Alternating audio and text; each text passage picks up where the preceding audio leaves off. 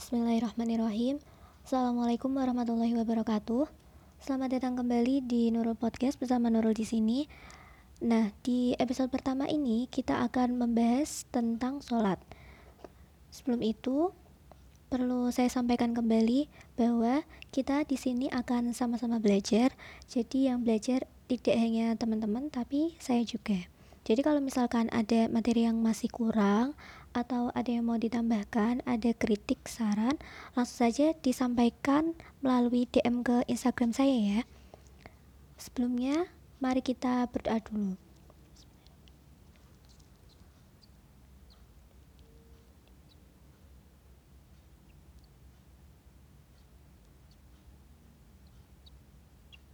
Al-Fatihah. Bismillahirrahmanirrahim. Alhamdulillahirabbil alamin. Arrahmanirrahim. Maliki yaumiddin. Iyyaka na'budu wa iyyaka nasta'in. Ihdinas siratal mustaqim. Siratal ladzina an'amta 'alaihim ghairil maghdubi 'alaihim waladdallin. Amin. Oke, langsung saja masuk pada materi pertama kita yaitu tentang pengertian sholat. Ini uh, yang punya modul bisa sambil dibuka halaman 21 ya. Jadi, pengertian sholat itu sendiri ada dua. Yang pertama, secara bahasa, dan yang kedua yaitu secara istilah. Secara bahasa, itu sholat berasal dari bahasa Arab ya. Sholat, as-sholah. Itu artinya sama dengan ad-du'a artinya berdoa atau bersembahyang. Bersembahyang itu juga bisa diartikan dengan beribadah pada Tuhan. Jadi, kalau ada orang yang akan beribadah ke masjid atau ke gereja atau ke kelenteng, itu juga bisa disebut orang yang akan pergi bersembahyang. Yaitu secara istilah tadi, sholat artinya berdoa atau bersembahyang. Yang secara istilahnya, menurut Imam Rafi'i, as-sholatu huwa aqwalun wa af'alun perkataan dan perbuatan muftahatun yang diawali bitakbiri dengan takbir muhtatamatun diakhiri bitaslimi dengan salam bisyaroitin maksusotin dengan syarat-syarat khusus atau syarat-syarat tertentu. Jadi sholat itu perkataan dan perbuatan yang diawali dengan takbir diakhiri dengan salam dengan syarat-syarat tertentu Selanjutnya yaitu tentang syarat-syarat sholat. Nah ini menurut Imam Syuja di kitab Fathul Qorib, syarat-syarat sholat sendiri itu dibagi dua. Yang pertama ada syarat wajib, yang kedua ada syarat sah. Nah, syarat wajib sendiri itu ada tiga. Yang pertama Islam, yang kedua balik, yang ketiga berakal. Yang pertama Islam. Jadi kalau selain yang beragama Islam, agama Kristen, Hindu, itu berarti tidak terkena kewajiban untuk melaksanakan sholat. Yang kedua balik. Balik itu bisa diartikan sebagai masa mulai dibebani beberapa hukum syarak. Atau biasanya juga diartikan gini batasan amal seseorang akan dihitung pahala dan dosanya. Itu balik. Nah yang balik dan berakal nomor 2 dan nomor 3 ini biasanya disebut juga disebut juga dengan mukalaf kalau balik saja tapi nggak berakal contohnya orang gila berarti itu gugur kewajiban sholatnya. Berarti nggak sholat nggak apa-apa karena dia tidak berakal. Nah e, tanda-tandanya sudah balik itu ada tiga. Yang pertama kalau anak perempuan usia 9 tahun ini 9 tahunnya hitungan tahun hijriah ya dan telah haid jadi kalau misal ada anak perempuan kok sudah haid tapi usianya kurang dari 9 tahun hijriah itu belum bisa dikatakan balik. Yang kedua, sudah keluar mani usia 9 tahun. 9 tahun hijriah juga sama, baik laki-laki maupun perempuan. Yang terakhir yaitu telah mencapai umur 15 tahun, 15 tahun hijriah, baik laki-laki maupun perempuan. Jadi kalau misalkan ada perempuan nih belum haid sampai usia 15 tahun lebih. Berarti saat dia memasuki usia 15 tahun hijriah itu ya sudah dihitung sebagai orang yang sudah balik. Jadi sudah jelas ya kalau balik itu tandanya seperti apa. Yang selanjutnya yaitu syarat sah. Kalau syarat sah itu ada lima. Yang pertama toharotul a'doi minal hadasi wan najasi sucinya badan dari hadas dan najis. Dari hadas kalau hadas besar dengan mandi hadas kecilnya itu dengan berwudu. Yang selanjutnya yang nomor dua wasitrul aurati bilibasin tohirin. Menutup aurat dengan pakaian yang suci. Jadi pakaian yang digunakan itu harus harus suci dari najis. Bersih dari kotoran juga. Yang ketiga wal wukufu ala makanin tohirin berada di tempat yang suci. Jadi tempat yang digunakan sholat itu harus suci dari najis. Yang keempat wala ilmu bidukhulil waktu masuknya waktu sholat. Nah wal ilmu bidukhulil waktu masuknya waktu sholat mengetahui secara pasti masuknya waktu sholat. Berarti harus sudah benar-benar yakin kalau waktu sholatnya itu sudah tiba. Contohnya mau mau sholat maghrib tapi masih ragu sudah ada maghrib apa belum sih? Nah kalau masih ragu-ragu ragu-ragu itu jangan. Harus sampai benar-benar yakin kalau sudah masuk waktu maghrib terlebih dahulu. Bisa dengan nunggu azan atau lihat lihat apa biasanya di aplikasi HP kan sudah ada jam oh nanti maghribnya jam sekian sekian. Pokoknya harus yakin dulu harus pasti dulu. Yang terakhir yang nomor lima yaitu balul kiblati menghadap kiblat. Jadi sholat harus menghadap kiblat yang selanjutnya yaitu rukun sholat ini akan saya jadikan satu dengan tata cara sholat ya Nah, rukun sholat itu sendiri, rukun itu artinya bagian atau penyusun. Jadi, rukun sholat itu bagian atau penyusun dari sholat. Nah, ini berdasarkan kitab Safinatun Najah, karya Syekh Salim bin Sumair, itu rukun sholat ada 13. Yang pertama ada niat. Nah, niat sendiri dalam sholat itu ada tingkatan. Yang pertama, niat untuk sholat fardu. Itu jadi minimalnya itu harus ada. Yang pertama ada kostul fi'li menyengaja melakukan kegiatan. Berarti usolinya itu saya mau sholat harus ada usolinya nomor dua menspesifikasi ibadah yang akan dijalankan namanya takyin berarti tadi kan usoli mau sholat mau sholat apa nih terus maghribi oh sholat maghrib. Yang ketiga menjalankan fardu fardiyah. Berarti harus ada fardunya. Jadi kalau mau sholat fardu minimal tuh harus ada usolli fardul maghribi. Ada usolli kostul fi'li fardul fardiyah maghribi takinnya tadi. Minimal harus ada itu. Yang nomor dua sholat sunnah yang mempunyai waktu tertentu. Sholat sunnah yang punya waktu tertentu tuh contohnya kayak sholat tarawih sholat duha. Nah itu harus minimal harus ada apa? Pertama kostul fi'li. Tadi ya menyengaja melakukan kegiatan. Berarti harus ada usolinya saya mau sholat. Yang nomor dua ada takyin tadi menspesifikasi ibadah yang akan dijalankan. Oh mau sholat apa nih? Contohnya ya sholat tarawih. Berarti harus ada tarawih. Berarti kalau mau sholat sunnah yang mempunyai waktu tertentu minimal harus ada usolli tarawih. Usolli saya mau sholat tarawih. Tadi takyinnya mau sholat apa? Sholat tarawih. Yang ketiga yang terakhir sholat sunnah mutlak. Mutlak itu maksudnya yang tidak terikat waktu. Itu cuman perlu kostul fi'li. E, menyengaja melakukan sesuatu. Berarti niatnya cuman cukup usoli aja itu udah langsung sholat nggak apa-apa. Misalnya kalau kita e, lagi gabut nggak ada kerjaan oh pengen sholat nih niatnya cukup usoli aja itu nggak apa-apa sudah sah karena Sholat sunnahnya itu sholat sunnah mutlak yang tidak terikat dengan waktu. Yang selanjutnya rukun ke dua. Rukun kedua yaitu takbiratul ihram. Takbiratul ihram itu dilaksanakan ketika mengangkat tangan, mulutnya mengucap Allah Allahu Akbar e, bersamaan dengan membaca niat di dalam hati. Nah, rukun sendiri itu rukun eh syarat. Syaratnya takbiratul ihram sendiri itu ada 16 yang pertama dilaksanakan ketika berdiri pada sholat fardu. Jadi sholat fardu itu nanti sedikit sedikit sedikit nyerempet ke rukun yang ketiga ini. Jadi sholat fardu itu kalau bisa harus dilaksanakan dengan berdiri. Jadi takbirnya itu juga ikut dilaksanakan ketika berdiri. Nomor dua dengan bahasa Arab.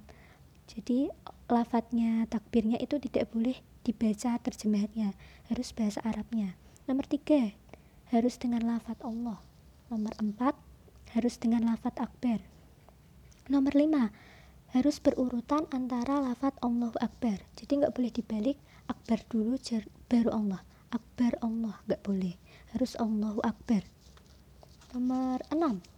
Tidak boleh memanjangkan hamzahnya lafadz Allah. Jadi harus Allahu tidak boleh Allahu tidak boleh.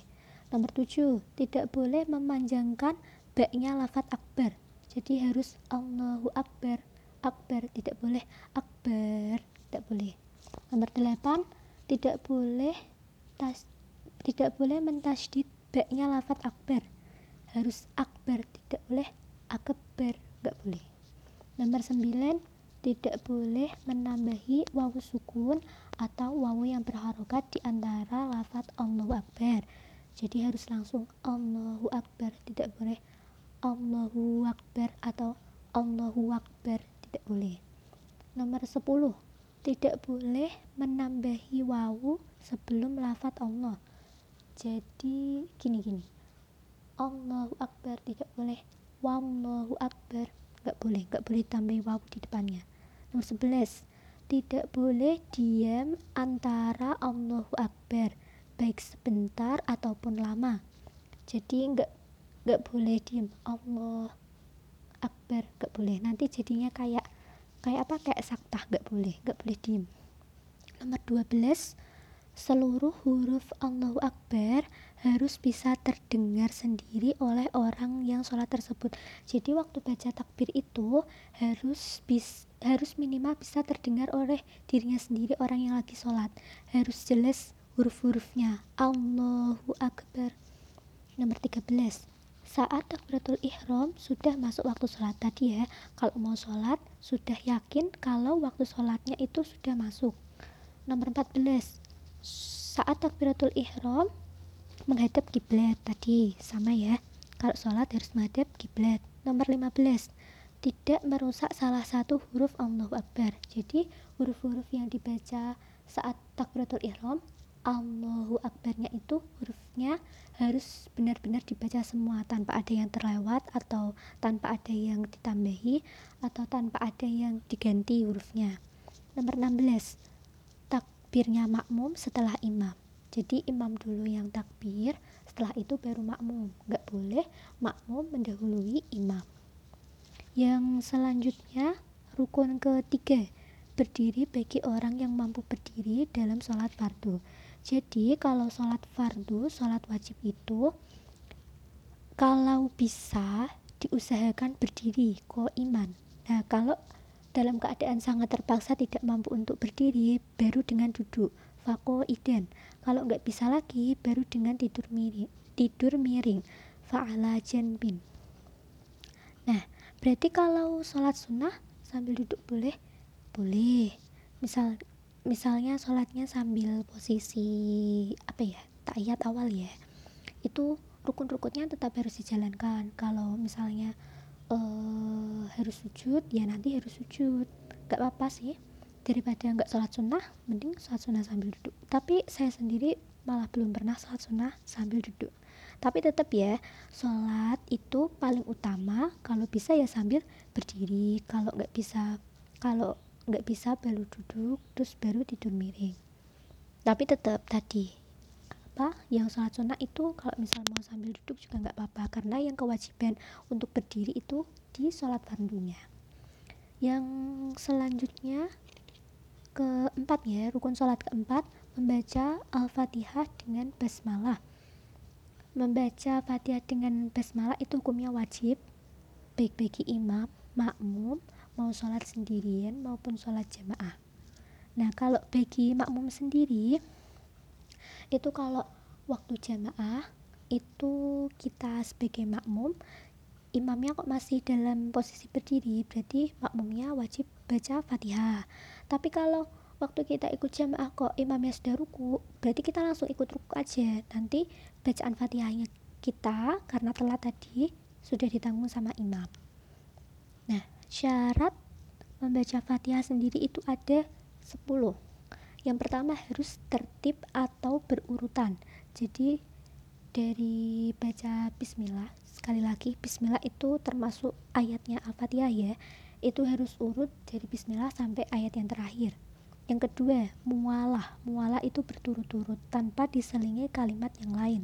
Contohnya gini uh, saya lagi sholat tiba-tiba bersin. Padahal itu lagi posisi baca surat al-fatihah nah pas bersin itu setelahnya. Eh saya malah baca alhamdulillah. Nah itu kan berarti bacaan fatihahnya jadi terpotong. Nah itu harus ngulangin lagi dia dari awal baca fatihahnya. Ngulangin dari baca bismillah lagi sampai akhir. Jadi baca fatihah itu benar-benar gak boleh diselingi kalimat apa pun. Alhamdulillah atau apa astagfirullah kayak gitu nggak boleh. Nomor tiga menjaga huruf-hurufnya. Jadi kalau baca al-fatihah itu benar-benar hurufnya itu harus betul semua. Nggak boleh salah nggak boleh dikurangi nggak boleh ditambahi. Menjaga tasdid tasdidnya Bismillah Bismillah tasdidnya. Terus nomor 5 Tidak boleh berhenti di tengah-tengah bacaan. Baik lama atau sebentar dengan maksud memotong bacaan. Jadi nggak boleh tengah-tengah baca eh tengah-tengah ayatnya berhenti lama atau sebentar tapi memang niat berhenti nanti jatuhnya kayak saktah kayak gitu nggak boleh. Nomor 6 membaca semua ayat surat Al-Fatihah termasuk basmalah. Karena basmalah itu termasuk ayat dari surat Al-Fatihah. Yang nomor 7 tidak ada kesalahan baca yang dapat merusak makna. Contoh nih uh, an'amta alaihim an'amta la an'amta itu artinya engkau memberi nikmat dan malah salah baca jadi an'amtu alaihim. Nah kan udah beda sih. An'amta sama an'amtu. Kalau an'amtu itu nanti artinya jadi saya memberi nikmat. Nah tadi an'amta engkau memberi nikmat. An'amtu jadi saya memberi nikmat. Kan udah beda maknanya beda jauh. Jadi itu nggak boleh nggak boleh ada kesalahan baca nggak boleh.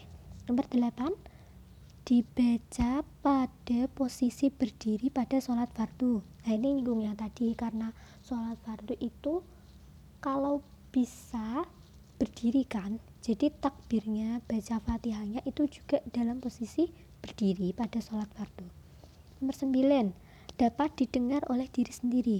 Jadi baca fatihahnya itu semua huruf-hurufnya semua tasdid-tasdidnya fatihah yang dibaca itu minimal harus terdengar oleh orangnya yang lagi sholat diri sendirinya yang lagi sholat. Nomor 10 tidak diselingi zikir atau bacaan lain. Ini hampir sama kayak nomor dua tadi ya jadi nggak boleh diselingi alhamdulillah astagfirullah di tengah-tengah baca al-fatihah. Jadi nggak heran ya fatihah itu penting penting sekali untuk dipelajari dibaca juga biasanya kalau di pondok-pondok itu ngaji fatihah tuh paling lama. Hmm, bisa seminggu lebih bisa sebulan. Karena memang sepenting itu fatihah. Karena fatihah itu digunakan sehari-hari untuk sholat. Fatihah digunakan masuk ke dalam rukun sholat. Jadi fatihah memang sepenting itu. Uh, sekian kali ini. Udah berapa ini? Hampir 20 menit ya semoga materi kali ini bisa bermanfaat. Insya Allah disambung ke episode minggu depan. Nanti kita terusin uh, rukun sholat yang kelima yaitu ruku insya Allah ya. Semoga bisa bermanfaat bagi kita semua. Kita tutup dulu dengan bacaan alhamdulillah. Alhamdulillahirabbil alamin. Doa dulu. Bismillahirrahmanirrahim Allahumma inni istauda'tuka ma qara'tuhu wa ma hafidtuhu wa ma fahimtuhu. Farduhu ilayya inna hajati ilayh. Wa sallallahu ala sayyidina Muhammad wa ala alihi wa sahbihi wa walhamdulillahirabbil alamin. Sekian dari saya. Kurang lebihnya mohon maaf. Uh, pesannya uh, tetap stay safe semua stay healthy jangan lupa stay happy juga. Sampai ketemu di episode selanjutnya. Uh, wassalamualaikum warahmatullahi wabarakatuh